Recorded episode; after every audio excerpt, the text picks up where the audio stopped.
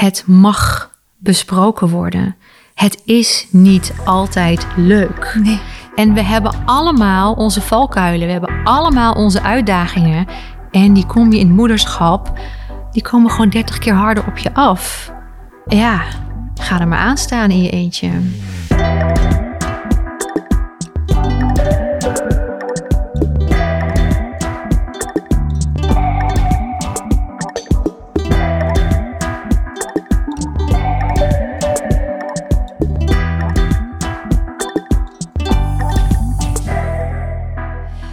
Vandaag hebben we iemand uit Nederland, Janneke Den Hartog. Mhm.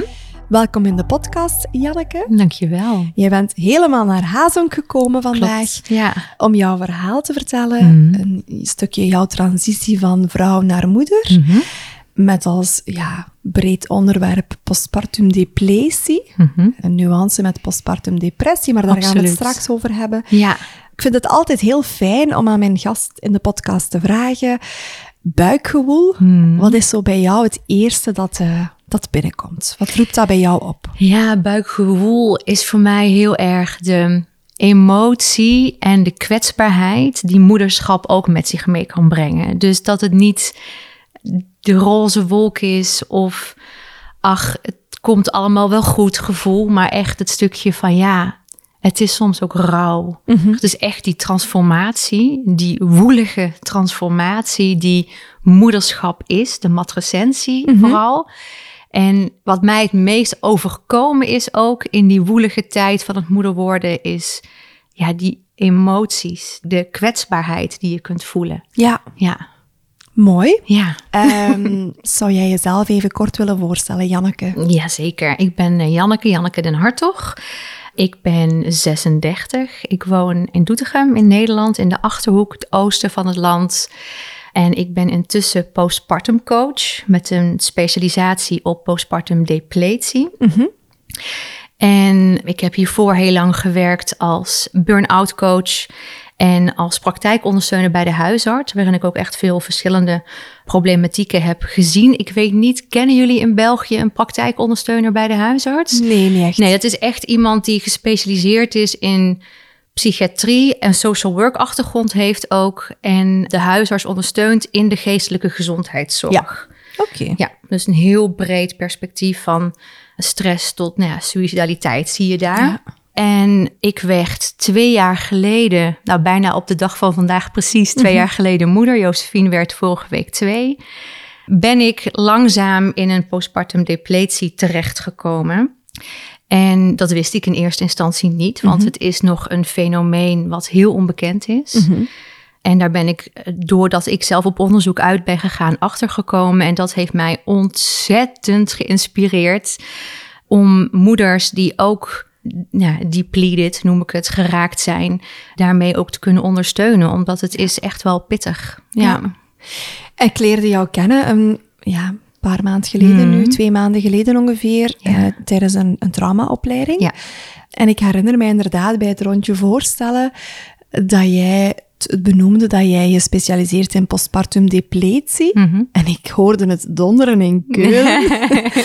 en ik schaamde mij ook een klein beetje. Ik vond het vrij gênant dat ik nog nooit van Mhm. Ja. de term gehoord had. Ik was ook wel ja. onmiddellijk geboeid. Ja, weinig mensen kennen het. Ja, Ja. absoluut. Eh, ik merkte ook, want op die, op die bijscholing waren heel veel psychologen en iedereen viel een beetje uit de lucht. Hè? Mhm. Ja. In België is het echt een term waarvan ik denk alleszins dat die nog helemaal niet gekend Nee. is. En ik heb jou denk ik op die eerste dag al gevraagd, wil jij mijn podcast? Ja, dat klopt. Ja. Impulsief als Ja. ik ben, gewoon omdat ik het zo boeiend vond. We gaan daar straks zeker nog op komen, maar je hebt er ook een e-book over geschreven. Klopt, ja. Ehm, ik denk dat dit een aflevering wordt die voor heel veel mensen, voor heel veel ouders, heel veel herkenbaarheid gaat brengen. Mhm. Ik denk het ook. Dus ehm, misschien nog interessant wel om te weten, heb jij ook een partner, Janneke? ja, ja, mijn man heet Bas. Oké, ik wist het natuurlijk wel, Ja. maar eh, dat is misschien wel belangrijk voor Ja. het verhaal. Hè? Ja. Ik stel gewoon voor dat we beginnen bij het begin. Ja. Was het, had je altijd al een evidente kinderwens? Ah ja, Ja? altijd. Ja. Vanaf het moment dat ik seksueel actief was, wist ik als ik per ongeluk, want ik was niet voornemens om een tienermoeder te worden, maar mocht ik per ongeluk zwanger worden, dan wil ik het al houden. En dat Ja. heb ik zelfs met mijn moeder al besproken toen ik nou zeg 16 was. Oké. Ja. Hoe ontving zij dat? Nou, ze heeft daarover nagedacht en ze zei: Ja, dan gaan we dat samen doen. Oh my. Ja. En uiteindelijk was ik 33 toen ik zwanger werd. Ja. Maar ehm, dat is een tijd overheen gegaan. Maar ja, ik, zo lang is de wens er al om, om moeder Ja. te worden. Ja. En mag ik dat vragen? Je was 33 toen je zwanger werd. Is dat dan omdat het leven liep zoals het liep en je had niet de relatie waarin je het kind wou krijgen? Of, of waren er toch nog factoren in jouw twintiger jaren die maakten dat jij die kinderwens alsnog on hold hebt gezet? ja, het is geen bewuste keuze geweest. Maar ik heb een hele lange relatie gehad. Die eindigde toen ik 27 was. En daarna heb ik een aantal kortere relaties gehad.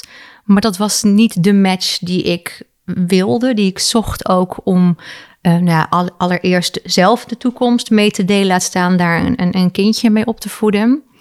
En een tijd lang heb ik de wens gehad om het dan alleen te doen als Ja. moeder. Dus ik had ook een hele goede, eh, een collega van mij, een goede vriend, collega, eh, die daar ook voor open stond. En hij zou dan ook de, de donor worden van mijn toekomstig kindje. Die je dan als bewust alleenstaande moeder zou exact. opvoeden. Ja. Alleen toen kwam toch Bas op mijn pad. Ja. En ehm, heel snel wisten we, nou, dit is een match. ja. En eh, ik denk dat wij nadat we elkaar nou, een kleine anderhalf jaar kenden, zijn we begonnen met proberen. Ja, Ja. was een kindje welkom. Ja. Hoe was die, die fase van het mag komen? Hoe was dat voor jullie? Het was een rare fase in eerste instantie, omdat ineens bleef mijn cyclus uit, gelijk na de eerste keer.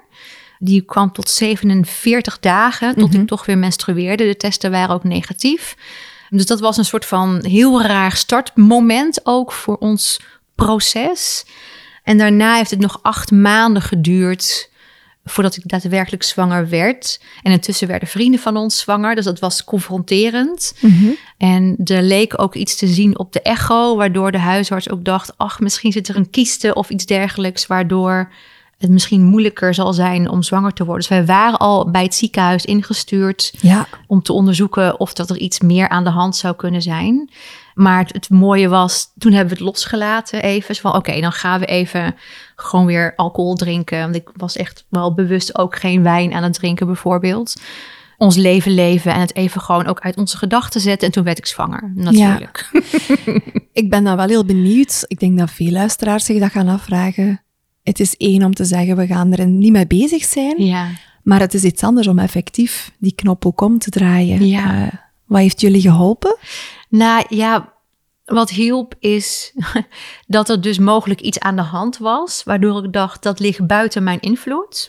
Of mogelijk buiten mijn invloed, dat moet nog onderzocht worden. Dus dat was ja, een rationele reden. En, en daarnaast was ik mijn huis aan het verkopen en moest ik mijn huis opleveren.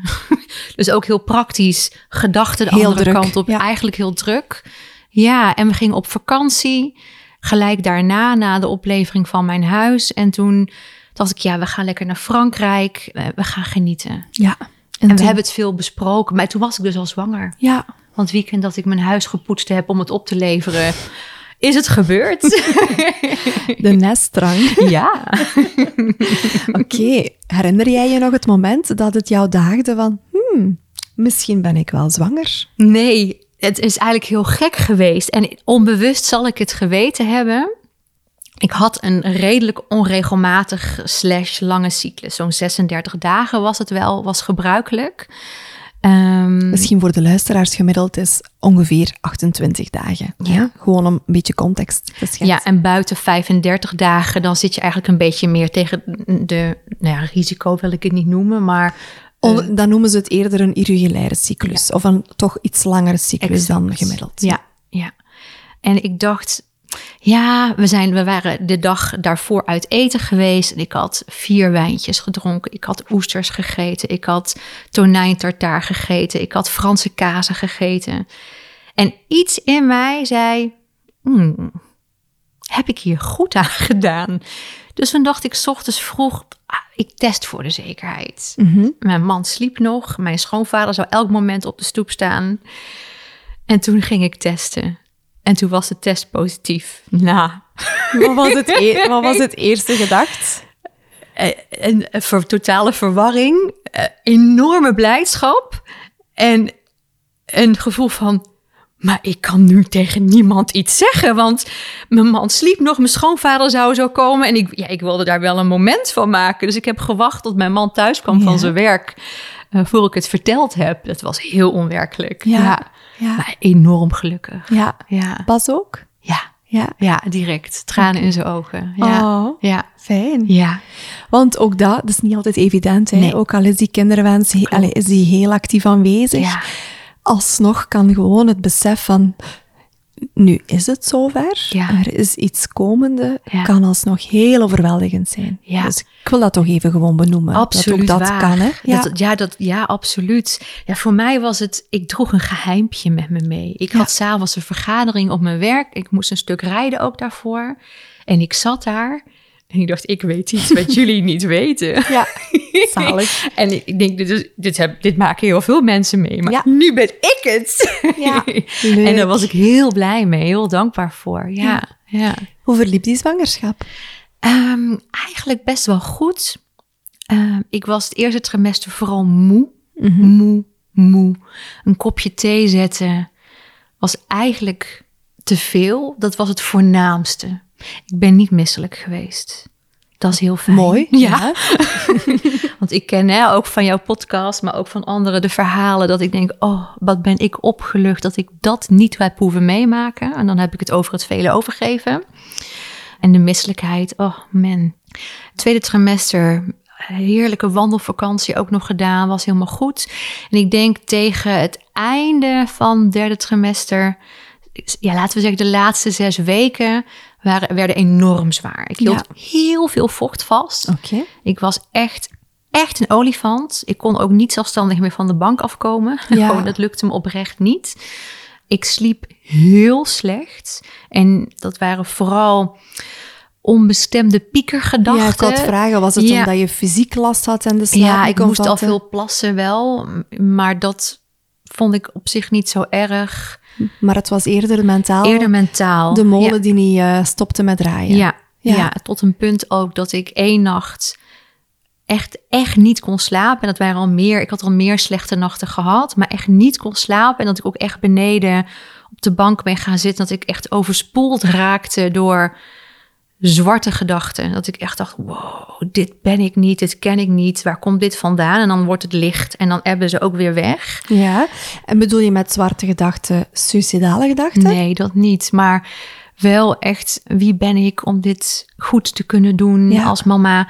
En ik was heel blij. Ik, ik volgde een hele fijne online zwangerschapscursus. Vanwege corona was alles online. Dus ik kon ook heel goed dit stukje delen. En het, ik herkende het en dat bevreemde mij heel erg uit mijn tienertijd. Ik heb toen ook een fase gehad waarin ik me heel donker voelde. En waarin ik vooral ervan overtuigd was, ik ben niet goed genoeg. Ja. Ik kan dit niet. Niemand denkt dat ik het kan. Ja. Wie Oh, ben ik om... Lijkt mij zo eenzaam. Ja, ja, ja. Had jij op dat moment al gehoord van de term matrecensie? Nee, nee, absoluut niet. We hebben het in de aflevering met Linde Merkpoel, Mhm. ik denk uit mijn hoofd, aflevering 22, hebben we het daar ook uitgebreid Ja, over gehad. klopt, ja. Ehm, want wat dat jij nu benoemt, ja, Mhm. jij kent het nu waarschijnlijk Mhm, wel, ja, uiteraard, vanuit jouw achtergrond, is eigenlijk ja, een stukje die transitie die je aan het maken bent van, van vrouw naar moederschap. En dat is heel vergelijkbaar met de adolescentie. klopt. En het is echt een stukje, een soort spagaat waarin je zit. Enerzijds word je toegetrokken naar die baby en die zwangerschap en naar binnen getrokken. Ja. En anderzijds ja, denk je van, ja, maar wie ben ik nog? En, wat zal mijn leven nog voorstellen? En wat dan met al mijn passies die ik had en mijn lichaam dat verandert. En ik denk dat dat heel herkenbaar is inderdaad voor veel vrouwen. Mhm. En heel veel adolescenten die Ja. dat ook hebben. Ja. Eh, De ene al wat feller dan de andere Ja, heeft doorgemaakt. Zeker ja. weten. Kon jij op dat moment toen de link leggen met jouw puberteit? Ja, Ja. direct. Ja, dus zonder te weten dat het matrecensie ook echt was. Ik voelde mij weer terug puber. Ja. Terug dat ik dacht, wie ben ik? Wie, eh, Wat is mijn identiteit? En de overtuiging wat velen met mij hadden ook over hoe ik als moeder zou zijn. Janneke is een oermoeder. Oh, De druk. Ja. maar vooral de verwachtingen die ik van mezelf had. Want ik moet toch wel fantastisch bevallen, een superkraamtijd hebben, tot in de puntjes voorbereid zijn. En dus mijn perfectionisme, waar ik toch ook door al mijn coachopleidingen en mijn werk toch redelijk mee om dacht te kunnen gaan. Nou, Kwam toch wel een stukje als een boemerang. tienvoud, ja, absoluut. Ja, Ja, ja. confronterend. ja. Had je op dat moment zorgverleners die actief ook peilden naar Ja. hoe dat jij je mentaal voelde? ja, ik had een hele fijne doula die mij hierin ook coachte. Super. En in mijn eh, zwangerschapscursus, dat waren ook twee doula's die daarin ook ja, met de oefeningen die in de cursus zaten ook wel mee begeleiden. Dus het, het voelde ook in eerste instantie als een oude vriend die langskwam. Zo van, oh ja, dit is bekend. Het voelde vooral, en dan vanuit mijn coachervaring ook als, oh ja, ik mag weer een laag dieper de ui afpellen. Ja. Er komt weer wat meer van mijn thema's naar boven in deze fase van mijn leven. En dat mag ik nu aankijken. Dus ik Ja. was eigenlijk ook dankbaar. Ja. Voelde het ook gedragen? Doordat je dan die cursus volgde, Ja, ja. die doula naast jou Ja, ja, ja, had? absoluut. Ja. en die checkt ook af en toe bij me in. Eh zo van, hey, hoe gaat het vandaag met je? Ja. En als er iets was, mocht ik altijd bellen. Ik had een hele fijne vroedvrouw ook. ehm, een caseload-verloskundige. Ja. Misschien ook, want dat gaan de Vlamingen niet allemaal kennen, denk ik. Een caseload verloskundige, verbeter mij als ik fout ben, Janneke. Maar is eigenlijk een, een vroedvrouw die echt als individu een volledige zwangerschap, Ja. heel vaak ook de bevalling en Ja. de prille kraamtijd verder opvolgt. Ja. Of de, de kraamtijd is iets anders dan in Is België. iets hè? anders, ja, klopt, ja. Maar het is echt wel één op één dat contact dat je hebt. Heel en veel frequenter ook. Veel frequenter, waarbij je echt veel meer de diepte kan ingaan en een veel nauwere band kan opvolgen. Ja. En die dan ook eigenlijk altijd van wacht is voor jouw bevalling te begeleiden. Ja, hè? Ja. Ja. Klopt. Dat is iets wat wij in België, Ja. meestal is het in een praktijk gedeeld. Eh, en zie je verschillende vroedvrouwen. Hebben wij ook hoor. Ik heb specifiek gezocht Naar de een- caseload-verloskundige. Ja. Ja. omdat, je ik- die één-op-één begeleiding Ja. heel belangrijk vond. Ja, en ik wilde ook één gezicht. Ik Ja. had geen zin in vier verschillende gezichten. Dat stond mij niet aan. Ik dacht, dit is een van de mooiste, in ieder geval de meest impactvolle eh, gebeurtenissen in mijn leven. En ik wil daar niet zomaar iemand bij hebben. Is Ja. uiteindelijk wel gebeurd, want ik ben naar het ziekenhuis eh, gegaan. En zij kon daar niet bij zijn, maar daarom had ik ook mijn doula. Dus die Ja. was daar wel bij. Dus, nou ja, Oké, goed, dus er was wel continuïteit. ja, absoluut. Want dus, als ik het goed begrijp, had je in die zwangerschap de wens om thuis te bevallen. Ja. Dat is de reden dat je een caseload-verloskundige had en een doula. Ja. Je was goed voorbereid, kan ik Absoluut, me voorstellen, ja. op eh, het Ja. geboorteproces. Ja, ja. Of misschien iets meer dan ik, gemiddeld. Ik denk meer dan gemiddeld. Ja. Ja. Daar ben ik wel van overtuigd. En dat ik het ook heel erg interessant vond, omdat ik die transitie zo sterk in mij voelde.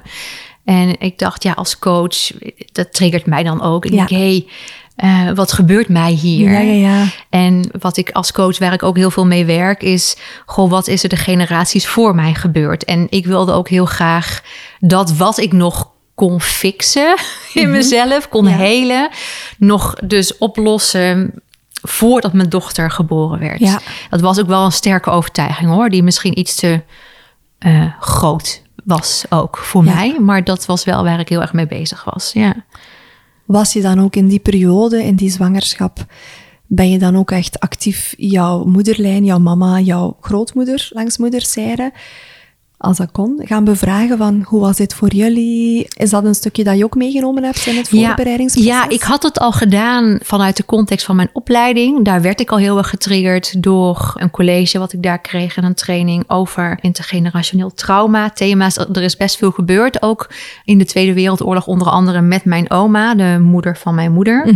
Dus ik ben niet zozeer over gaat moeder zijn, maar wel de gesprekken aangegaan eh, met hen over hey, hoe is het nu voor jou geweest in relatie tot mijn moeder, jouw moeder? Wat is er met je gebeurd? En zo ben ik er ook achter gekomen dat ik ook bepaalde thema's in mij heb, waaronder dat perfectionisme. Dat komt niet van een vreemde af. Het komt echt vanuit die lijn ook naar mij toe. Ja.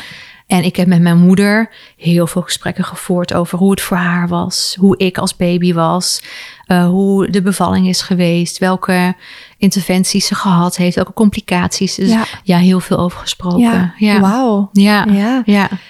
Hoe was het voor Bas om jou als partner te hebben die echt wel die diepte indook? Ehm, heel jou fijn. Ja.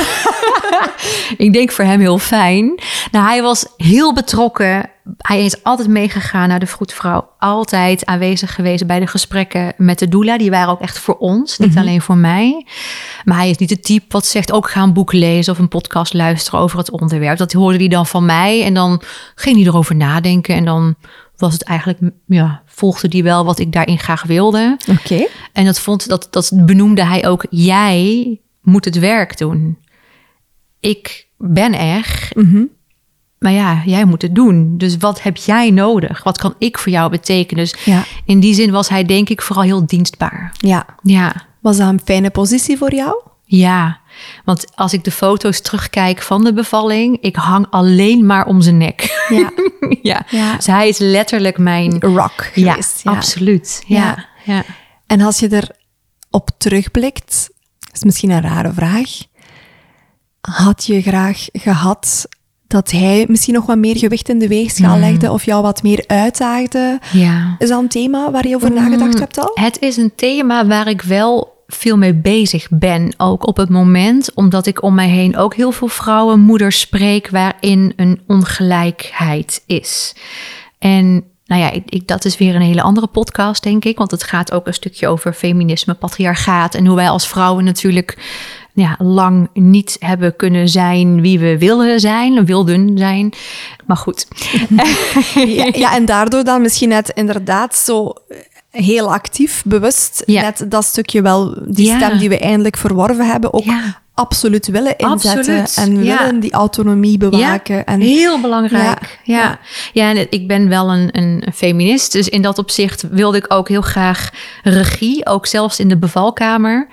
Dus ik ben daar heel bewust mee bezig geweest. En je hoort ook mensen zeggen, maar je hebt toch geen controle? Maar het gaat mij ook niet om het hebben van controle.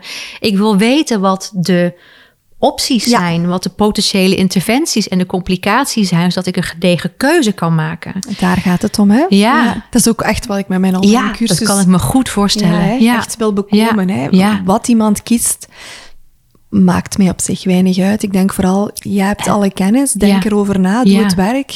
Ga het gesprek aan met je geboortepartner. Ja. Ja. En eh, dan kom je wel tot Ja. een goede beslissing Ja. in elk scenario. Ja. Absoluut. Dus zou ik Bas meer betrokken willen hebben gehad? Ah, misschien wel iets.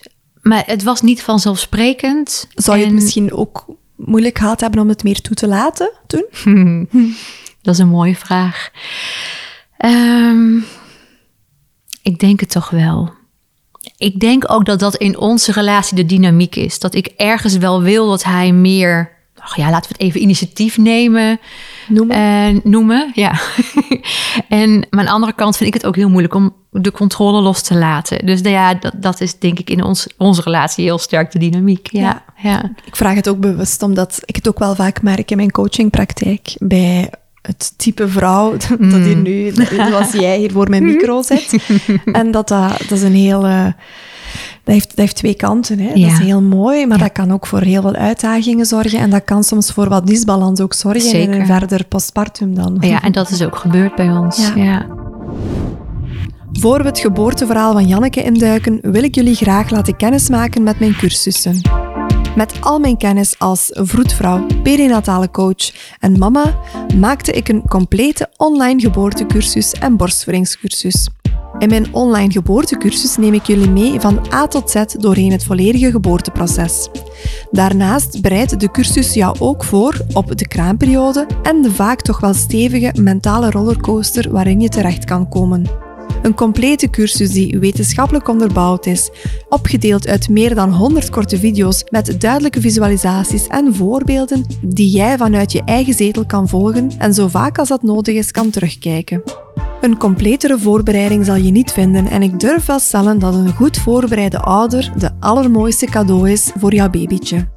Daarnaast heb ik ook een online borstvoedingscursus, die opgedeeld is uit meer dan 50 korte video's, helemaal volgens hetzelfde principe. Want bij borstvoeding is er een zekere kennis nodig om een goed fundament te kunnen leggen in de eerste uren, dagen en weken.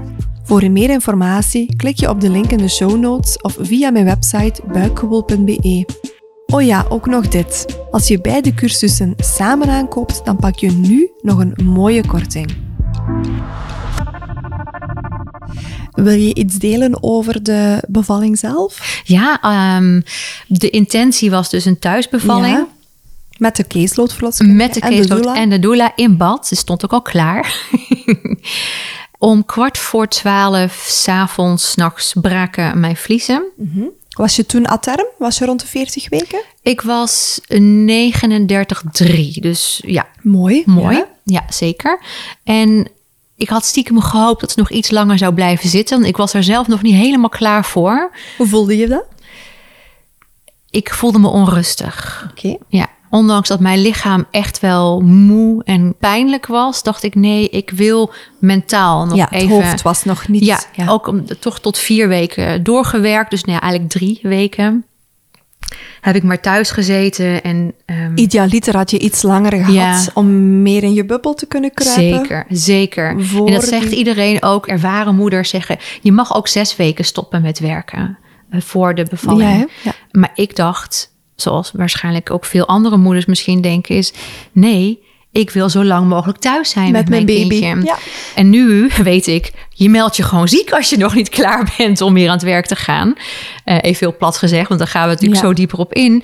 Maar op dat moment heb ik een stukje thuis gewerkt, elf halve dagen. Of, want ik moest ook elke dag een uur in de auto om überhaupt op mijn werk te kunnen aankomen. Oké. Dus ja, dat had ik misschien anders kunnen doen. Ehm, ik ben heel even je vraag nu kwijt. Je begon net over de bevalling. Die, je vliezen die scheurden om Ja. kwart voor twaalf Ja. s'avonds. Maar dat je, ondanks dat je het fysiek wel zwaar had, dat Ja. je vooral mentaal onrust ervaarde. Ja, ja, ja. en ik, ik merkte, oh ja, ik vind het fijn om nog even gewoon alleen, niemand om me heen, tot rust te kunnen komen. Maar goed, dat gebeurde niet. Josephine dacht er anders Josephine over. dacht er anders over. Nou, dat is inderdaad een temperamentvol dametje.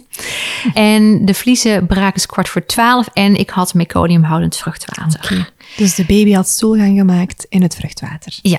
Zoals ze in Nederland zeggen, gepoept in vruchtwater. ja. exact. En het was nog lichtgeel. Het was niet erwtensoep. Oké. Het, viel, het viel wel mee. Ook dat, even voor de luisteraars, wanneer een baby stoelgang maakt in het water, als het een beetje is, dan is het vruchtwater in plaats van doorschijnend rozig, eerder gelig, Ja. lichtgroenig. Is het heel veel stoelgang dat de baby maakt, dan is het echt donkergroen. We benoemen het eigenlijk soms erwtensoep. Ja. Meconiumhoudend vruchtwater kan, is belangrijk, kan, Kan. een teken zijn van een baby die mogelijk stress gehad heeft, nog in de baarmoeder. Maar we zien het gewoon ook veel vaker optreden bij babytjes die eigenlijk rijp zijn. Dus Ja. zeker wanneer je richting die uitgerekende datum of daarover gaat, komt het wel vaker Ja. voor. En dit kan, opnieuw, Mhm. soms voor uitdagingen zorgen als een baby geboren is en het meconiumhoudend vruchtwater zou inademen. Maar het zijn allemaal vrij lage kansen, maar wel belangrijk om te Mhm. Ja, weten. ja. Was het meconiumhoudend vruchtwater voor jouw caseloadverloskundige een op voorhand besproken grens van oké, dan gaan we naar het ziekenhuis of niet? Nee, niet op voorhand besproken. Ik heb haar wel s'nachts gebeld vanwege dat het toch een lichtere verkleuring had. En s ochtends is naar mij toegekomen en we hebben toen afgesproken, officieel zou je naar het ziekenhuis moeten, maar ik ben bereid om vandaag af te wachten tot, nou, we hadden een tijdstip genoemd, tot laat zes uur 's avonds en dan moet er een knoop doorgehakt worden. Oké. Maar mijn weeën kwamen niet op gang. Oké. Ja, en die kwamen maar niet. En die kwamen maar niet. Hoe was het intussen met de onrust in jouw hoofd? Ehm, ja, ons, ik heb niet meer kunnen slapen die nacht. Dus vanaf kwart voor twaalf zondag op maandag, die hele nacht was ik nog wakker. Bas ook. Ik was onrustig, maar wel ook excited. Zo, oh, ik heb morgen misschien mijn kindje in Ja. mijn armen. Dus dat Het kom- overheerste. ja, het komt er nu wel echt aan. Het gaat nu echt gebeuren. Ja. Ja. Ja, en nou ja, in de middag contact gehad. Ook met de doelen en de verloskundige. En toen toch wel besproken van ja, als het niet komt, er, er staat een termijn van 24 uur voor. Gebroken vliezen. En dan is het toch wel fijn als er voldoende ontsluiting is. Of toch alleszins dat er contracties zijn. Exact, ja. En dat was dus niet het geval. En ik merkte dat ik in mijn hoofd schoot. Ja. En toen dacht ik, dan moet ik ook nu zelf de keuze maken om toch naar het ziekenhuis te gaan. Want anders dan ga ik zitten wachten. En Ja. Intussen werd het vruchtwater dus ook wat donkerder groen. Mhm. Dat was voor mij een reden om te zeggen, nou gaan we ook naar het ziekenhuis. Want ik wil geen onnodig risico lopen. Ja. Was dat voor jou op dat moment een... ehm, Want ja, je had initieel natuurlijk die wens om thuis Ja. te bevallen. Vond je dat op dat moment een heel moeilijke keuze? Ehm, Of ging dat gepaard met heel veel teleurstelling op dat moment? Nee, het was toen oké. Oké. Ja. ja, met de kennis die ik toen had, dacht ik... dit is wat er nu gebeuren moet. Ik denk met de kennis die ik nu meer heb... en over de toch het echt best kleine risico... wat meconiumhoudend vruchtwater met zich meebrengt... zou ik toch gezegd hebben... nee, ik blijf hoe dan ook thuis. Ja. Maar goed, dan weet ik nog steeds niet of de weeën wel of niet op gang Nee. gekomen waren. Dus het was, het was op dat moment een goede keuze... waar ik me ook eh, goed bij voelde. ja, waar je echt wel achter stond. Ja, absoluut. In het ziekenhuis. Het, was toen wel, oké, je moet dan kiezen tussen de vroedvrouw of de doula. Want er kon er maar één mee, in verband met corona ook. En we hadden op voorhand wel die keuze al gemaakt. Voordat de weeën begonnen zijn en echt hard moet gaan werken. eh, dan gaat de doula mee. Maar ben je midden in ja, de arbeid, noemen jullie het, hè? Dan gaat de vroedvrouw mee. Die neemt het dan gewoon mee over. Maar ja, ik was nog niet zo ver. Dus de doula ging mee. Vroedvrouw heeft me daar overgedragen. Ja. En daar hebben ze ook gewoon een bad opgezet. En mijn doula die heeft overal van die ledkaarsjes neergezet. En ik had vanuit mijn, eh mijn man blessing, een soort van baby shower, had iedereen vlaggetjes voor me gemaakt. Dus die hebben we, hebben de hele kamer van het ziekenhuis helemaal ondersteboven gezet Ja. en ingericht. En, Ja. eh, ja. Wat op zich heel fijn is, denk ik. Ehm, ook hier ga ik misschien een heel klein stukje toelichting geven, als je Zeker. dat oké vindt, Janneke. Ehm, rondom zo die eerste fase van een arbeid. Wat is er vaak nodig voor een lichaam om, om baarmoeder, om echt contracties te krijgen? Er is een soort balans nodig tussen de oxytocine en de adrenaline. En je benoemde het daarnet, je voelde die excitement van Ja. het gaat, het- ze gaat nu gaan komen. We gaan wel ons kindje ontmoeten.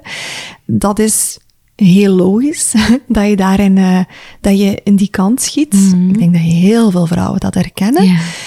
Maar het feit dat je dan inderdaad ook die nacht geen rust meer echt kan pakken, dat je, ja, dat je wakker blijft. Met twee dan nog. Achteraf gezien denk je waarschijnlijk, why? Ja. Is vaak niet zo bevorderlijk voor die weegschaal. Eigenlijk zou de adrenaline in deze situatie, om ideaal te zijn, ja, dat is makkelijk in theorie natuurlijk, moeten kunnen zakken. Ja. Voor de oxytocine om te kunnen floreren, zodanig dat die contracties kunnen opstarten. Ja. En het klopt inderdaad in heel veel.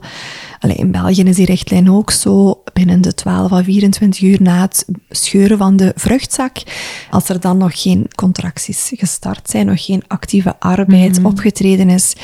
Dan is het protocol Ja. alleszins toch om actief te gaan doorleiden, zoals wij dat dan noemen omdat er altijd een kans bestaat op opstijgende infecties. Hè. De bescherming van jouw baby is toch verbroken, de vruchtzak is niet meer intact. En als er te lang gebroken vliezen zouden zijn, dan nemen die kansen op eh, infectie toe. Gewoon voor wat toelichting. Ja. Ja. Ja, en ze was gelukkig goed ingedaald. Dus da- dat maakt dat ik gelukkig niet hoefde plat te liggen. Mhm. Want als die kindje nog niet ingedaald is, dan eh, is dat ook nog een... Dat, dat kan een dingetje zijn, Ja. dat ze schrik hebben dat de navelstreng eventueel Ah, ja. inderdaad zou uitzakken. Ja. Echt plat liggen is niet in België. Is dat alles met België? gebroken vliezen en een kindje wat niet ingedaald is, moet je plat liggen. In België is dat niet een standaard Ah, advies. Nee. oké. nee. Nou, misschien spreek ik voor mijn beurt, maar dat is wat ik begrepen heb. Ja? Ja. Oké. ja. Het kan zijn dat jouw caseloadverloskundige dat wel op dat moment zo benoemd heeft. Dat ja, dat heb ik gelezen, denk ik. Maar Dus geen standaard het is- regel. We hebben het er niet eens over gehad, want Josephine lag al met 8, 29 weken heel laag. Ja. Dus dat eh, is niet... Maar ook dat, het is heel logisch voor een eerste kindje om ingedaald te zijn richting het einde van de zwangerschap. Een tweede, derde, vierde, tiende kindje gaat vaak maar indalen op het moment dat jij actief in arbeid gaat. Dus onmiddellijk plat liggen, ja, zeker bij een tweede, derde, vierde kind ga je ook niet doen als je vliezen scheuren, of toch niet altijd. Dus eh, dat is geen standaard regel. Nee, nee, nee. Nee. Je hebt dus eigenlijk het, het huiselijke een beetje doorgetrokken richting het ziekenhuis. Ja, en op het moment dat ik ook de keuze maakte, we gaan naar het ziekenhuis, bam, om de drie minuten weeën. Oké, Mega wauw. krachtig. Ja. Ja. Dus dat zal rond drie uur 's middags geweest zijn. En het ziekenhuis gegaan, daar kwam ik s'avonds aan. We hebben nog wat gegeten thuis en eh, rustig aan. En ja, mijn, mijn vruchtwater bleef echt ongelooflijk stromen. Dat, dat waren niet druppels, maar dat was echt wat je, op nou, nou, wat je op televisie ziet. Wat ik nooit geloof, maar echt plop. Ja. Echt Ja. heel veel. Ja, en dat, Dat- bleef maar komen en bleef aangemaakt worden ook. Ja, ja. ja. ja, het blijft aangemaakt worden, dat enerzijds. En het hangt er een, be- een beetje van af. Zit er inderdaad nog een hoeveelheid vruchtwater voor het hoofdje? Ja. Dan kan dat een best wel een grote hoeveelheid zijn als de vliezen scheuren. Onderaan alleszins, scheurt de vruchtzak eerder opzij. Dan is het vaak eerder zo druppeltjes Ja, gewijs. precies, Ehm, ja. Of afhankelijk van hoe de baby beweegt tussen de contracties Ja, in. Heel individueel. Ja, Maar dus kijk, bij jou was het eh, heel duidelijk. Ja, aan het begin zijpelde het meer en na vanant werd het inderdaad eh, Meer en meer. veel meer. meer. Ja, absoluut. Ja. ja, en het ziekenhuis was eigenlijk prima. De verloskundige van de... Want ik heb drie verloskundigen gehad nog in het ziekenhuis. De avond, de nacht en de ochtend. en nou ja, die gaf wel aan van... van mij mag je in bad bevallen... maar ik weet niet wat mijn collega gaat zeggen. Nou, van de collega van de nacht mocht dat dus niet. Mocht wel in bad blijven liggen. Eh, maar eigenlijk is het... Ik, nu ben ik ook intussen een heel stuk zwart gat. Dit is ook wat mijn doula en mijn man mij verteld hebben... en stukjes die ik zelf nog weet. Ik ben vrij veel ja, gedissocieerd ook geweest... door Een stukje, ik hoor fragmentatie. ja, precies. ja. ja. dat ik er echt niet meer was. Eh, want het ging rap en weeënstorm, rugweeën. Want Josephine die had zich een sterrenkijker gedraaid. Mhm. Dus op een gegeven moment was ik bij elke wee al aan het braken. En ik kon alleen nog maar nee roepen. En mijn man zegt ook... Ik heb een beeld van jou. Dat is het beeld wat het meeste mee, mee- bijblijft van de hele bevalling. Dat je op de wc zit met je spuugbakje. In de hoop dat je misschien nog kunt poepen, kunt plassen. Om ook maar iets weg te krijgen uit je lichaam. Ja. En dat is pure ellende wat ik daar had. Dus ik was kapot. En ehm, Oh, dat klinkt heel heftig. ja, Ja. ja. Ja, we maken eigenlijk nu een vrij snelle sprong naar de intense fase van de, van de ontsluitingsfase. We zitten echt in actieve arbeid. Hè? Absoluut, ja. En toen wilden ze toch ook echt heel graag wel de ontsluiting meten. Ook omdat mijn doula dacht, ah ja, misschien heb je toch ook persweeën Ja, in plaats van is al, ja, misschien Ja. is het al transitie. En. Ja. Maar dat was absoluut niet zo. Ze lag dus verkeerd om. Ze zeiden ook, nu willen we ook echt oxytocine gaan toedienen. Want we moeten aanmaken. We willen dat het gaat opschieten nu, want het duurt te lang. Oké. Ehm, Hoe voelde dat voor jou op dat moment toen ze dat voorstelden? Want je had al een weeënstorm. Ja, Extra oxytocine Ja. gaan toedienen. Je Ja, ik was zag daar- voorbereid. dus ja jij ik wist... was daar wel bang voor. Ja. ja. Ik weet ook nog dat ik... Ik lag op bed intussen. Omdat ze dat wilden gaan toedienen, denk ik. Ik weet het niet meer precies. En toen zei mijn doula... Want ik wilde ook geen ruggenprik. Die zei toen... Janneke, weet dat je ook echt nu... ook een ruggenprik mag nemen. Dat is echt oké als je dat doet. Ja, die zag mij. De anesthesist die kwam gelukkig echt binnen. Toen ik zei, ja, ik wil dit wel. Was het om Vijf minuten was hij er. Ja, dus het was Oef. eigenlijk heel fijn. Want toen ik eenmaal de keuze gemaakt had, dacht ik, en nu wil ik er ook een prik in hebben. Ik denk dat ook dat heel herkenbaar is Ja. voor veel vrouwen. Ja, Ook misschien hierbij, wanneer we synthetische oxytocine toedienen, dat is dus geen lichaams-eigen Ja. oxytocine. Die synthetische variant die gaat niet door de barrière van de hersenen, wat ervoor zorgt dat jouw eigen brein onvoldoende tijd krijgt om endorfines aan te maken, onvoldoende signaal krijgt om lichaams-eigen Mhm. Ja. pijnstelling aan te maken.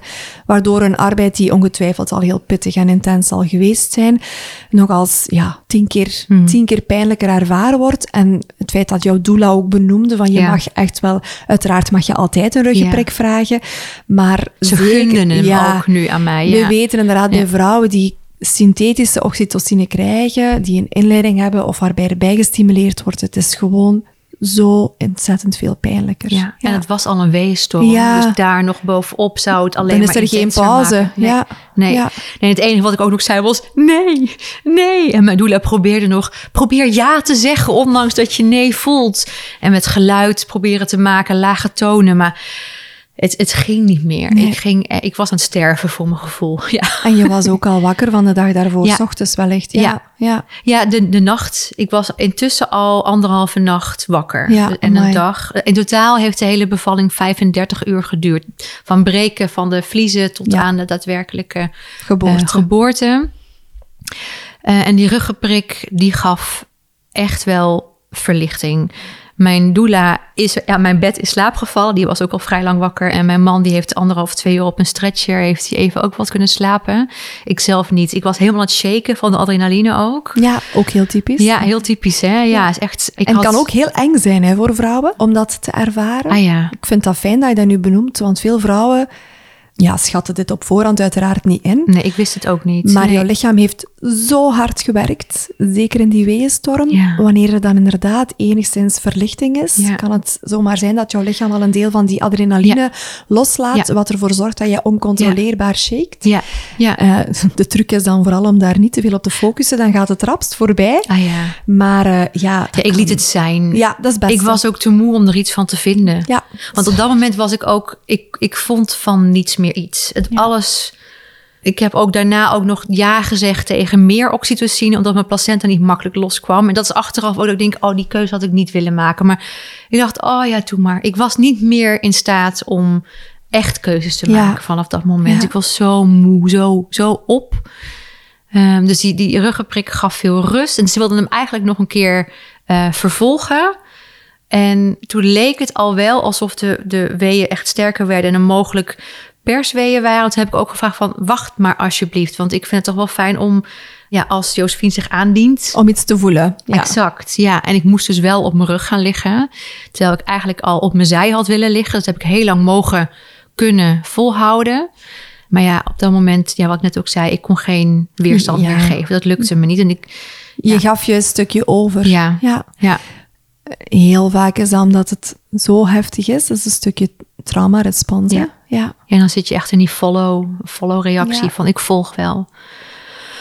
Overspot zijn. Ja, ja zeker. En ehm, maar ja, uiteindelijk kwam de persfase vrij goed en snel en effectief op gang. En de verloskundige zei, oh, duurt nog wel even. Die liep weer weg. En ik zei tegen mijn doula, no way. Ik ben gewoon met mijn doula begonnen met persen. En ik denk dat ik dat misschien 20 minuten met haar heb gedaan. En toen kwam de verloskundige terug. Ah ja. En een kwartier later was Josephine Dat er. is trap voor een Ja. eerste kindje. Ja, dat is vlot. Ja, dus ze hebben ook opgeschreven actieve persfase 15 minuten. Ik Terwijl, weet, ja, die dat is 20 langer geweest. Ja, Dus dat, dat, eh, ja, absoluut. Dus eigenlijk alleen het laatste kwartier heb ik dan ook op mijn rug gelegen. Daarvoor heb ik met mijn doula echt op mijn zij eh, eh, ook al geperst. Maar ik vond persen ook niet meer makkelijk. Ik wist niet waarheen ik moest persen. Mhm. Dat is heel dat, vaak ook wanneer er een, een, enerzijds een ruggenprik is. Ja. Omdat dan uiteraard die, die fetal ejection reflex, zoals we het Mm. noemen, Ja. toch een stukje gevoelsmatig onderdrukt wordt. Ja.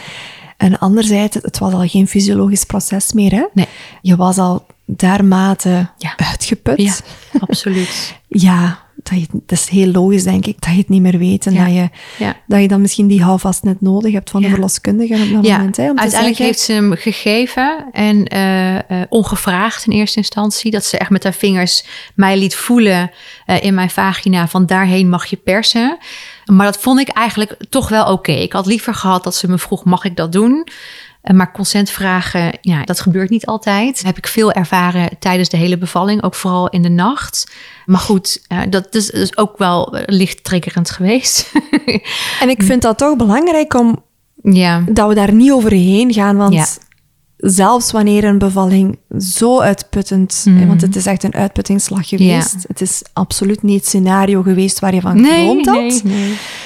Dan nog zou dit altijd de bare minimum moeten Ja. zijn. Dat er ja, tot gedeelde beslissingen Ja. gekomen wordt. Het stond en dat ook er- in mijn geboorteplan. De eerste regel was altijd overleg voor je iets doet.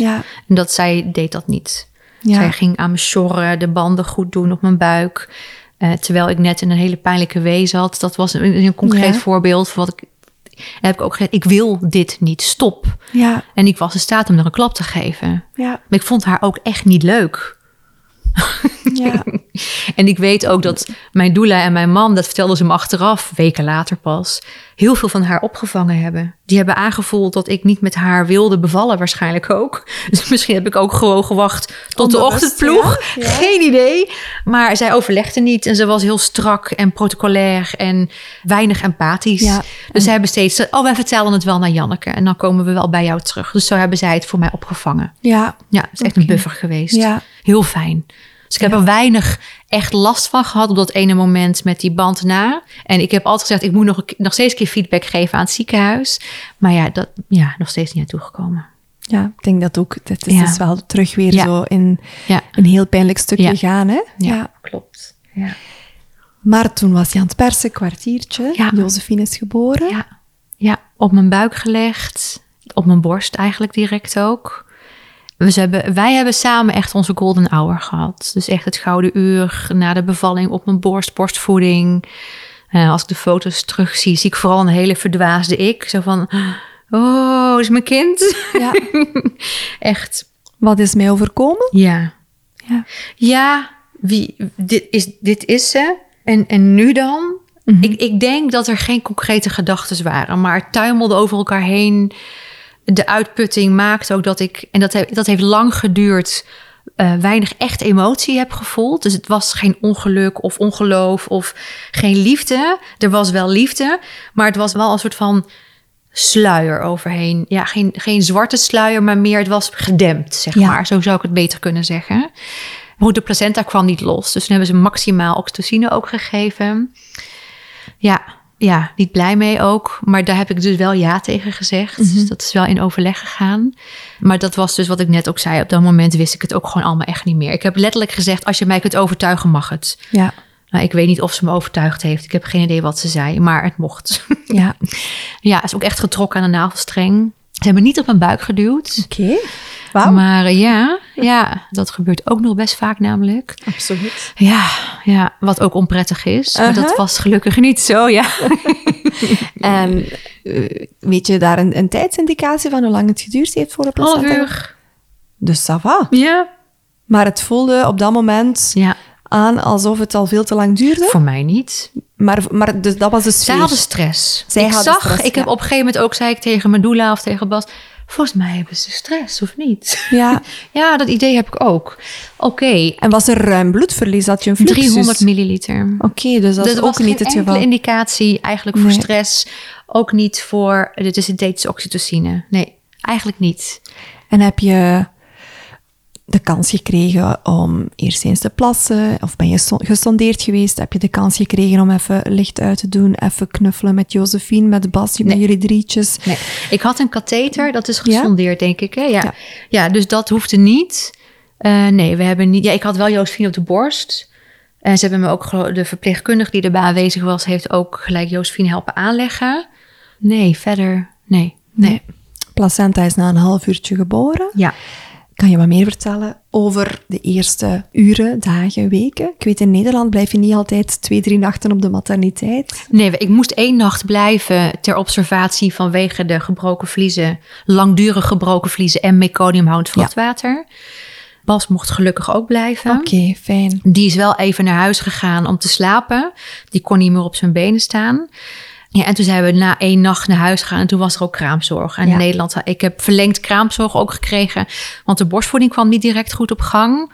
Eh, dus Josephine was onder de 10% van het geboortegewicht ook, eh, ook gedaald. Uiteindelijk niet naar het ziekenhuis teruggehoeven, gelukkig. Dankzij een deskundige kraamhulp Ja. en een deskundige eh, verloskundige. Ja, Een donormelk ook nog wel voor de zekerheid. eh, waar snel ook naar bijvoeding gegrepen wordt. Had ik van tevoren gezegd nee. dat wil ik haar darmen niet aandoen. Mhm. Omdat er een andere pH-waarde in zit. In de moedermelk en in de kunstvoeding. Wat ook niet bekend is. ja de, de flora van Ja. jouw darmen, wanneer er poedermelk, ik noem het niet graag kunstvoeding, Ah, ja. omdat dat ook wel misschien een beladen term kan zijn ja, voor, kan ik me voor mensen. Ja. Maar bij, bij poedermelk weten we dat, ook al is dat maar een hele kleine hoeveelheid, die, ja, die wonderlijke darmflora, die wordt een klein beetje verstoord. Mhm. En we weten dat dan eigenlijk zou, volgens de WHO is natuurlijk de norm borstvoeding. Als dat niet mogelijk is, is eigenlijk de, de tweede keuze die we zouden moeten maken. Donormelk, donormoedermelk. Ja. Hè? En dan als laatste optie, wanneer we van bijvoeding spreken, poedermelk. Ja, Dus, eh. Ja. maar in België is ook het systeem van donormoedermelk ook nog niet, eh, staat helemaal niet op punt. Het Nee. is helemaal niet zo gekend. Nee. Is dat in nee, Nederland Nee, wel? ook niet echt. Ik denk dat het meer aan het opkomen is. Maar ik denk dat het een heel klein percentage moeders is die hiervan afweet. Ja. ja.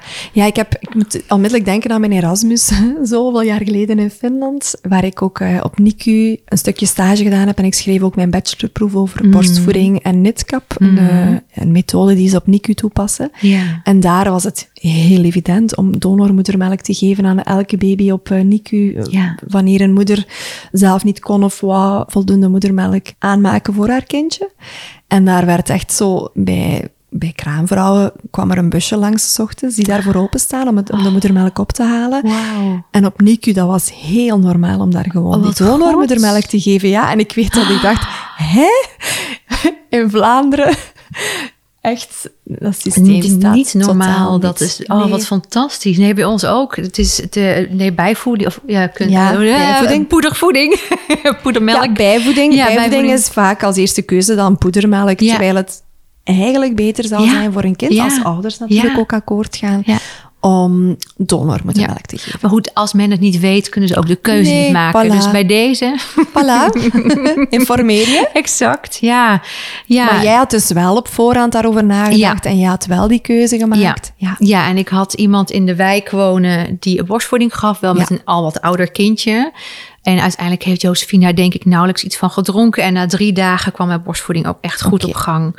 Eh, ik heb bijvoorbeeld ook niet echt last van stuwing gehad. Ik had ineens gewoon voldoende melk. Ja. Het was heel bijzonder. Dus ook daar ben ik van eh, gevrijwaard gebleven van de ernstige stuwing. Misschien over het feit dat jouw productie die eerste dagen iets trager op gang kwam, of Mhm. Ja. alleszins bijna onvoldoende was Ja. voor Josephine op dat moment, als ik het zo mag noemen, Ja, zeker. is een heel logisch gevolg van ten eerste zo'n uitputtende bevalling, Mhm. Ja. een bevalling waarbij er synthetische oxytocine is toegediend, jij Ja. die gewoon ontzettend vermoeid was. Twee nachten niet heeft Ja, geslapen. dus dat is een Ja. heel... Ik had hem gecheckt bij de verloskundige in het ziekenhuis. Kan het niet zo zijn dat eh, er een, een, een dip in mijn borstvoeding komt door de oxytocine? Hebben we nog nooit van gehoord. Ja, en ik had het al wel gelezen, maar op dat moment geloofde ik het. Dus nou ja, dat, nou ja dus dat zal. Je kunt het niet altijd perfect doen. En mijn perfectionisme vond dat op dat moment ook nog steeds een beetje lastig. Ja. Hè? Een van mijn grotere thema's. Ik wil dat wel graag goed doen. En, en nou ja, wat ik net zei, mijn thema perfectionisme.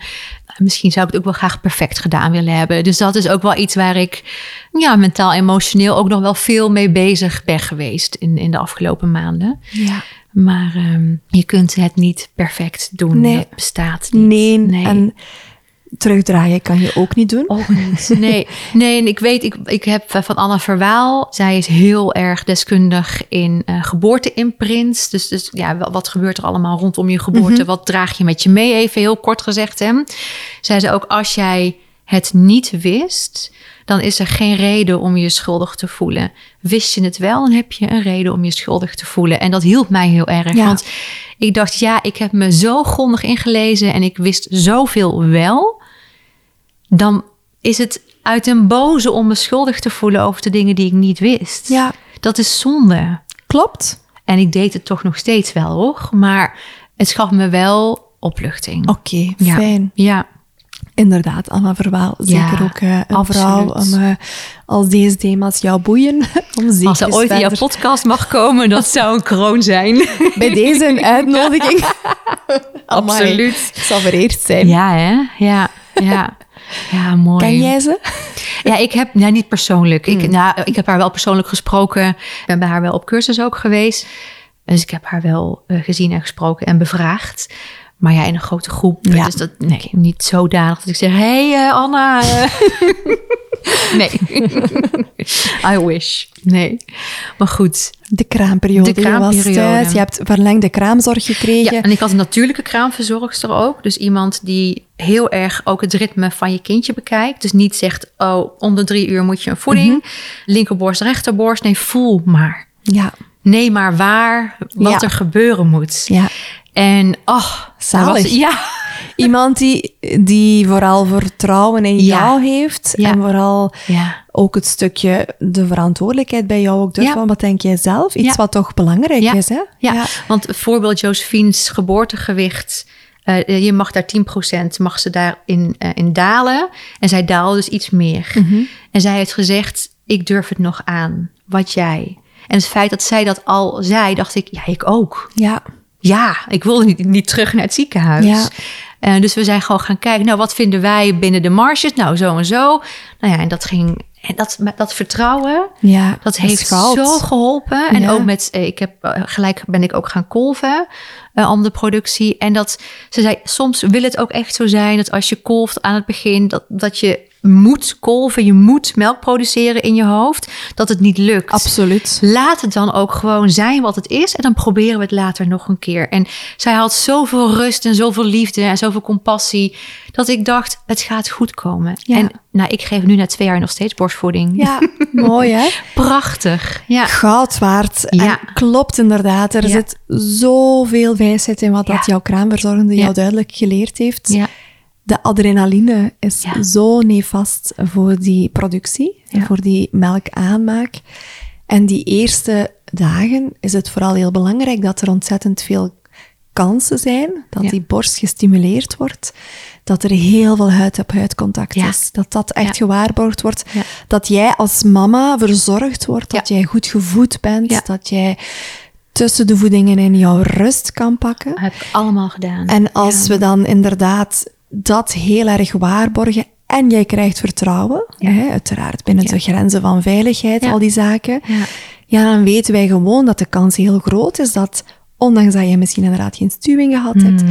Dat die productie wel gewoon een goede productie zal worden. Eh, maar soms heeft het wat meer tijd nodig Ja. en, en nog wel wat meer inspanning. Mm. En dan is kennis zo belangrijk. Ja. Want als je dit niet had, Ja. dan had je hoogstwaarschijnlijk terechtgekomen in een verhaal van heel snel bijvoeden. Mhm. Het gevoel hebben, jij als vrouw, van ik maak niet genoeg melk voor mijn Ja. kind, wat natuurlijk niet helpt. Ja. Waardoor Josephine misschien een, een flesje gewoon zou worden, Mhm. Ja. wat natuurlijk veel makkelijker is, veel Mhm. minder moeite is voor een baby. En dan heb je na drie, vier weken het verhaal van ik had onvoldoende melk en dan stopt het. Exact. Of dan, dan, dan eindigt het heel rap. Ja. Terwijl dat die eerste, ja, de eerste uren, eerste dagen, eerste weken, 3-3-3, die, die regel, die eerste drie uur, drie dagen, drie weken, die zijn zo, Ja. zo belangrijk om die Ja. goede kennis te hebben. Ja, ik heb ook echt aangehouden. Drie, één week in bed, één week rond Ja. bed, één Eén week naast. huis. Ja. Ja, ja. Ja. Super. En daarna ook pas naar buiten gegaan voor het eerst. En ook helemaal geen kraamvisite gehad. Had ik helemaal geen zin in. Ja, En dat had er ook mee te maken dat het heel, heel zwaar bleef. Omdat je het vooral alleen droeg Ja. met Bas? Ja, nou dat is misschien wel even goed om te zeggen dat mijn man heeft niet aangeboren hersenletsel. En hij heeft eh, in het ziekenhuis is hij de nacht bij ons gebleven. En de eerste nacht thuis heeft hij naast ons geslapen en die kon niet meer op zijn benen staan. Ja. Dus die is na twee nachten naar boven eh, op zolder gaan slapen en heeft daar de eerste zeven maanden gelegen. Ja. Alle nachten heb ik alleen gedaan met Josephine. Nog steeds.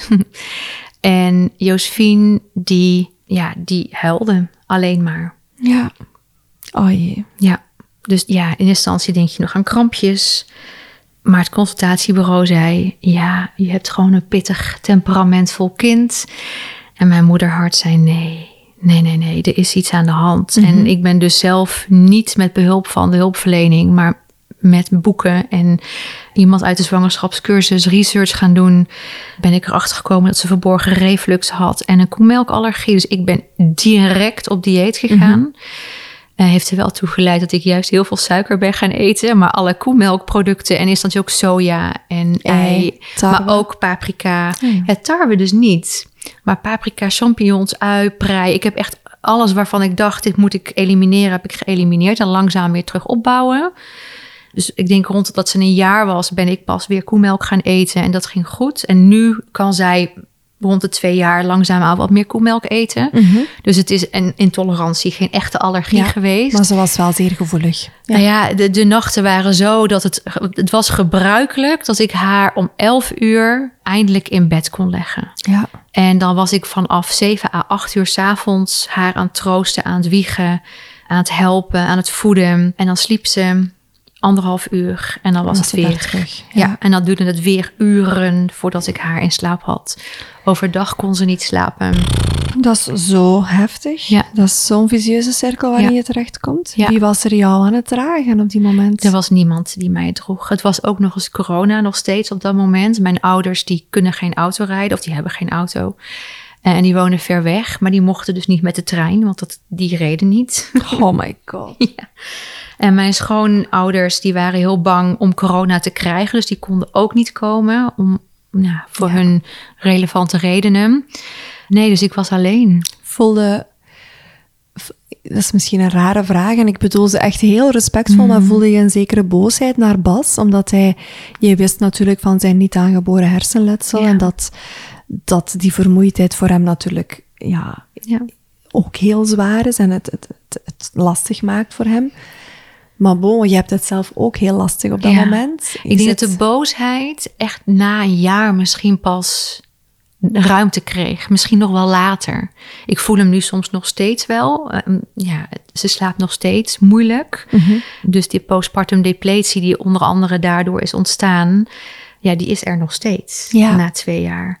Ja, Want eh, je had het nu ook aan, postpartum depletie. Ik kan mij voorstellen, je zit in een visieuze cirkel. Je hebt een kindje die het heel lastig heeft. Je bent zelf onwaarschijnlijk uitgeput. ja.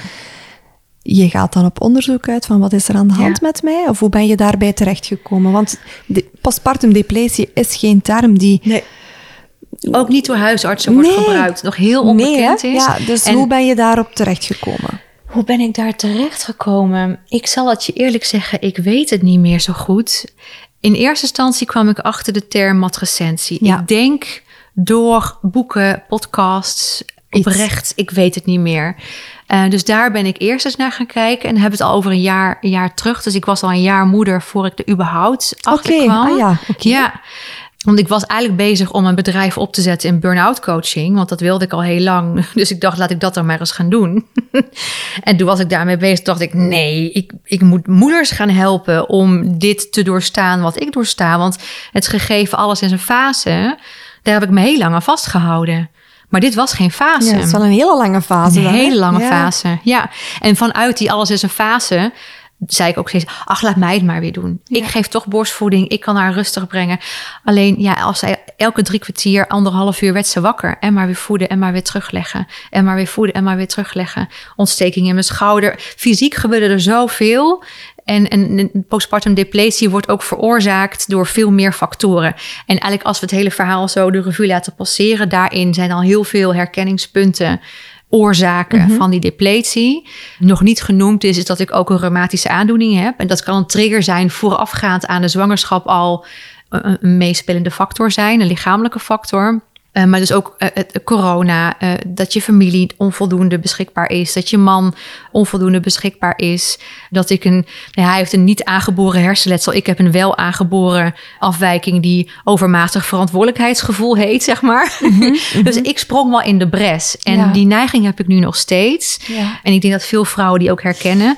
Laat mij het maar doen. Ik troost sneller. Of ik geef toch de borst. Of Ja. bij mij is ze sneller stil. Ehm, nou, niet dat kind snel stil hoeft te zijn, maar... Mijn ja. methodes zijn misschien effectiever en zorgt Ja. voor minder leed voor iedereen of zo op dit moment. Nou ja, dat laatste vooral ook. Ik voel me nog steeds schuldig als mijn man nu bij haar in bed ligt om haar te helpen in slaap komen. Zij heeft soms een uur, anderhalf uur nodig nog steeds om in slaap te komen.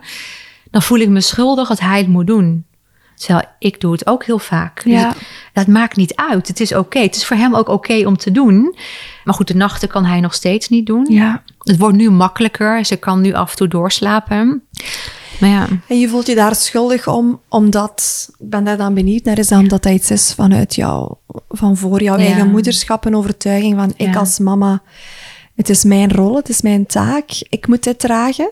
Eh, Ja, ja, en ook eh, als ik kijk naar eh, mijn ouders, mijn voorouders, die hebben altijd zich aangepast. Ja. En ook in eh, nou ja, dingen die ik heb meegemaakt in mijn jeugd. Maar ook als ik kijk zeker naar mijn vrouwenlijn, waar we het ook al even eerder over hadden. Aanpassen, aanpassen, aanpassen, aanpassen. Ja. Cijfer jezelf ook maar weg voor de ander. En in de ene in meerdere mate dan de ander.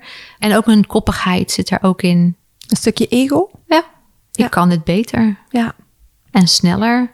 Ik denk dat dit, het, het is voor mij alleszins heel herkenbaar. Ja, Eh, en ik denk misschien voor best wel wat luisteraars ook hoor. ja. Het is misschien niet fijn om toe te geven hè. Nee, Ik vind het dapper dat je het doet. Eh, Ja, nou, en dit is precies wat ik ook beoog met mijn werk, is het mag besproken worden. Het is niet altijd leuk. Nee. En we hebben allemaal onze valkuilen, we hebben allemaal onze uitdagingen. En die kom je in het moederschap, die komen gewoon 30 keer harder op je af. Ja, ga er maar aan staan in je eentje.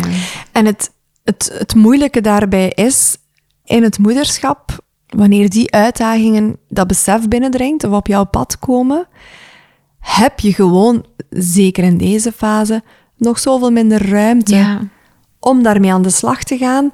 Want je zit al in overleving. Mhm. En je weet ook, ja, die baby blijft. Ja. Dus het is niet dat ik binnen twee weken een weekje vakantie heb en dan eens echt goed kan gaan Nee. reflecteren Nee. of ga kunnen bijslapen Nee. of ga kunnen aan de slag gaan met, je weet, dit blijft. Klopt. Eh. ja, en, en rond dat zij vier maanden oud was, toen realiseerde ik me, het gaat met mij echt niet goed. Ik heb heel lang gedacht, dit hoort erbij. Ja. Dit zal normaal zijn. Dacht je echt dat dit was hoe iedere moeder zich zou niet voelen? Zo, nee, niet, niet iedere moeder, maar ik, ik, ik was wel van overtuigd. De manier waarop ik het doe, dus haar veel troosten. Ik wilde haar echt niet laten huilen, omdat ik echt zag, ze had pijn. Of misschien niet per se fysiek, maar er, er is, en dat blijkt dus ook te zijn. Ze heeft een preverbaal trauma. Dus tijdens de bevalling en in de kraamtijd heeft zij een trauma opgelopen. Door Ja. de zware bevalling en door de vele pijn in de kraamtijd. Dus er is ook daadwerkelijk iets met haar aan de hand. En, dus, en ik zag dat. Ja. En dus daarom ging ik nog harder door en cijferde ik mezelf nog verder weg. En met 4,5 maand ben ik tegen de vlakte gegaan, letterlijk. Ja. En ik was al vaker duizelig geweest, dat ik mezelf moest vasthouden. En dat was voor mij ook het punt dat ik me ziek gemeld heb. En ik heb een jaar lang erover gedaan om weer te reïntegreren, om weer terug aan het werk te kunnen zijn volledig. En dat was echt heel zwaar. Want jij was al op vier maand, zeg je, maar jij was dus al voor die vier maand terug aan de slag gegaan op jouw werk? Nee, nog oké. Nee. nee, ik had al wel aangegeven, het gaat niet zo goed met me. Want ik Maar vroeg ja. me af, hoe zou je dat nog moeten gedaan hebben? Ja, ik, ik, ik dacht toen nog ook heel naïef, ach, over een maand ben ik er weer. Ja. En het heeft een jaar geduurd. Ja. En eh, met dat ik een jaar was ik weer volledig aan het werk. En ik werkte volledig drie dagen, omdat ik ook mijn coachpraktijk had. Heb ik ontslag ingediend. Ja. het ging niet. Het ging echt niet. Je hebt voor jezelf gekozen. Ja, voor mezelf gekozen, maar ook vooral alle gesprekken die ik moest voeren met een manager die eigenlijk mij niet begreep. Want die had drie kinderen en ik kon toch wel gewoon werken. En wat maakte dat jij. Ze, ze, ze vond het heel moeilijk om zich in mij in te leven. Ja. En ik kan niet voor haar invullen waarom. Maar bij ons laatste gesprek zei ze: Het heeft me echt gepuzzeld hoe jou te begeleiden. En Ja. ja, ik kon eigenlijk alleen maar aangeven: Het heeft mij ook echt eh, moeite gekost om aan te geven wat ik nodig had. Dus dat was geen goede wisselwerking. En dat heeft er ook voor gezorgd dat ik me niet lekker voelde. Veel stress ook had. Ook daar nog slechter van sliep. Ja, ik kan me dat wel Ja. voorstellen als je inderdaad onbegrip voelt. Ja, Ja, Ja. dat maakt het dan allemaal Ja. zoveel moeilijker. hè? ja, ja. Is er in dat eerste jaar, heb je ooit het vermoeden gehad zelf van ik heb een postpartum depressie? Iets wat eh, heel, heel veel voorkomt. in ja met cijfers. momenten. Ja, Cijfers zeggen 15 à 20 procent van de veel te vrouwen hoog. Klopt niks van. maakt een perinatale depressie door. Ja. Ik ben heel benieuwd. Ik ben nu zelf ook wat meer de, de Ja. theorieën gedoken rondom Ja. postpartum depressie, ter Mhm. voorbereiding op ons gesprek Ja. natuurlijk. En ik denk, ja, misschien zijn heel veel van de vrouwen die gediagnosticeerd worden met een postpartum depressie, of zelf Mhm. het vermoeden hebben, Ja. van dit zal een postpartum depressie zijn. Misschien hebben zij vooral eerder klachten van postpartum depletie. Absoluut, Ja. absoluut. Ja, en ik, de cijfers zijn er niet, dus ik kan dat niet hard maken. Maar de klachten die je hebt bij een postpartum depressie Ja, zijn is het- vergelijkbaar. ja, misschien is het fijn nu om, om zoiets kort even... Mhm. Wat is het verschil Ja. en wat is de overlap? Want Ja. er is ook heel wat overlap, Ja. hè? Ja. Ja, en ik denk de overlap is veel overmatig piekeren, somberheid, moeite hebben met slapen, ondanks dat je kindje misschien wel goed slaapt. Mombrain, maar een extreme mombrain is echt, echt heel erg vergeetachtig zijn. De, de spanning, lusteloos, machteloze gevoelens. En ik denk bij een depressie is er geen plezier meer. En Ja, verminderd plezier en interesse in de dingen die je normaal wel Dus een interesse geven. constante neerslachtigheid, een constante lusteloosheid, een soort afgevlaktheid. Vlakte, ja. ja. dus je voelt je afgestompt. Dus je kunt naar je kind kijken en denken: oh ja, dat is mijn kindje. Ja. Ik voel niet zoveel. En bij een depletie zijn je emoties in principe gewoon. Je kunt. Het is meer een rollercoaster, Ja. zo kan je het meer zien. En je hebt ook echt intense gelukmomenten. Ja. Maar de, het is, de, de kern is extreme uitputting. Dus veel fysieke klachten, veel mentaal-emotionele klachten. En in mijn e-book heb ik die ook helemaal uit elkaar gehaald. Ook welke factoren meespelen, welke symptomen je kunt herkennen. En dat is echt een mooie samenvatting. Mijn Ja. eigen verhaal staat er ook nog in het kort in. Ik heb hem gelezen. Het is een aanrader. Ja, ik ga hem ook in de, in de show notes, in de Ja, beschrijving dankjewel. zetten. Ja. Ja, en ik heb ook daarin wel benoemd van ja, hoe kun je een tij keren? Ja. Want dat kan namelijk. Want ja. ik denk dat dat ook wel iets is waar heel veel vrouwen... Ik denk dat heel veel vrouwen zich wel aan gaan herkennen in wat dat jij nu net allemaal opsomt. Zeker wanneer je zo'n pittige kraamtijd hebt. Die vermoeidheid, die lusteloosheid. Het uitzichtloze. ja. ehm, het piekeren, zelfs wanneer jouw, jouw kindje slaapt, toch Ja. zelf de slaap niet kunnen vatten. Ja.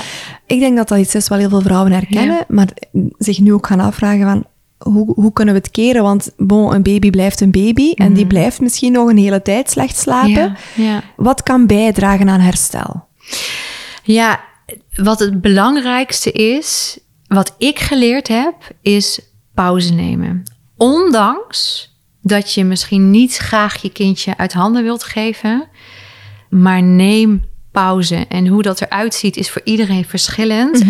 Ehm, want als jij doorgaat en doorgaat, dan geef je vanuit leegte.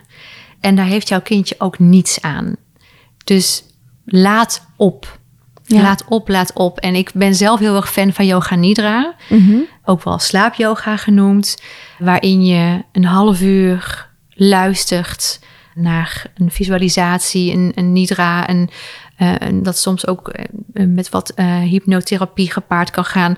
Waardoor je kunt zakken in je onderbewuste. En daar kun je echt ook een stukje herstel gaan vinden. Omdat je zenuwstelsel echt actief kan. Ja. tot, ja, tot rust ehm, Ja. gebracht. Absoluut. wordt. Ja. Ja, ja. en, en er zijn eigenlijk drie belangrijke stappen. En de eerste is suppletie. Dus het nemen van supplementen.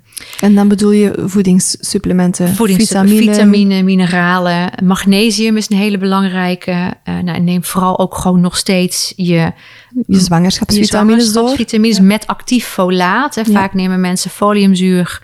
Maar folaat is de lichaams-eigen stof. Dat is een belangrijk onderscheid. Maar ik denk het allerbelangrijkste advies is...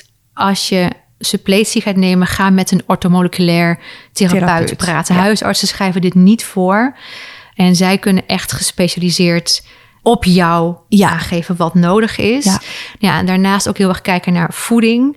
Er wordt vaak gezegd, haha, je eet voor twee, ook als je borstvoeding geeft. Eet voor twee in de vorm van eiwitten en gezonde vetten. Koolhydraten zijn niet per se gezond. Je hebt ze ook nodig, Mhm. maar vooral de eiwitten en vetten om elke keer weer terug ook op te bouwen. En Ja. de derde stap is dus zelfzorg. en ja, dat is een heel lastig woord. Want wat is zelfzorg? Wat is zelfzorg voor jou? En je kunt het. Je, wat ik een belangrijke vind, is dat je hulp vraagt. En dat kan dus zijn in de vorm van je huishouden. Al is het de was, mensen voor je laat koken. En ja, dus ook een stukje schaamte misschien voorbij moet. Of het zelf willen doen. Dat had ik heel sterk. Mhm. Ik denk geef- veel vrouwen. Ik geef ja. mijn was niet uit handen. Ja, want ik kan het wel, want Ja. iedereen Het is doet maar de was. Ja. Ik heb het al jaren gedaan, dus waarom zou ik het nu niet meer kunnen? Maar ook laat je masseren. Je lichaam is zo moe. Dus acupunctuur, massage. Je kunt ook zelf massage geven. Eh, maar vaak vinden we het moeilijk om daar dan weer de tijd voor te maken. Ehm, dus ik probeer ook echt als ik coaching geef met, met moeders te kijken naar ja, waar is jouw ruimte. Ja. Om even iets kleins voor jezelf te Ja. doen om op te laden.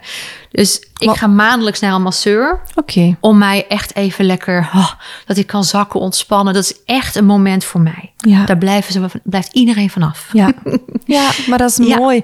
En ik denk, wat dat je hier aanraakt, het is onder andere iets waar ik ook in mijn online cursus, ik heb een hele kraamgids daarin gezet. En. Ik hoop dat mensen die hen volgen ook effectief de kraamgids in de zwangerschap al gaan bekijken. Ja. En ik, daarbij zet ik ook mensen echt aan het denken van, Absoluut. hoe denk je dat voor jou, hoe ziet zelfzorg eruit voor jou? Wat denk jij dat je nodig kan hebben? Of denk daar Ja. gewoon al eens actief over na. Wat zou je kunnen helpen op een moment dat jij zo overwhelmed bent, dat jij altijd het gevoel hebt te moeten aanstaan. Wat is iets wat dat jou zou kunnen helpen? Is dat een douche nemen, een half uur in de badkamer zonder een baby? Is dat iets met de hond gaan wandelen?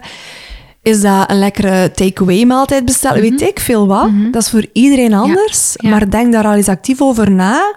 Ja. En zo het stukje dat jij zo zegt, durf hulp vragen. Dat is iets wat heel veel vrouwen zo moeilijk vinden. Voor mij was echt ook, zeker ook vanuit het geven van borstvoeding, je kunt niet voeden vanuit leegte. Nee. Dat is voor mij zo'n sterke eye-opener. Ik Ja, ik, ik voel me leeg. Dus wat heb ik te geven vanuit leegte? Ik mag opladen. Ja, Ik mag mezelf dit geven. want je gaat alleen maar dieper en dieper en dieper in het rood natuurlijk. Als je geeft, het, is, ja, het is een vergelijking met een zuurstofmasker in het vliegtuig. Hè. Precies, Ja. precies dat. Kan Ja. niet eenvoudiger. Het is een cliché, maar het is hartstikke waar. Ja, Ja, nou, en ook een stukje voeding. Hè. Soms is het makkelijker om vanuit voedingperspectief te kijken.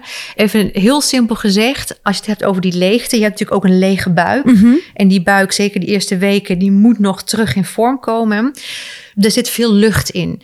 Dus je wil voorkomen dat je eten eet waar ook lucht in zit. Zeker die eerste week. Dus alles wat ui, prei, koolsoorten, mijt dat ook. Alles Ja. wat winderigheid veroorzaakt bij jou. En soms hebben mensen dat met bonen en andere mensen hebben dat niet. Mijt dan de bonen ook.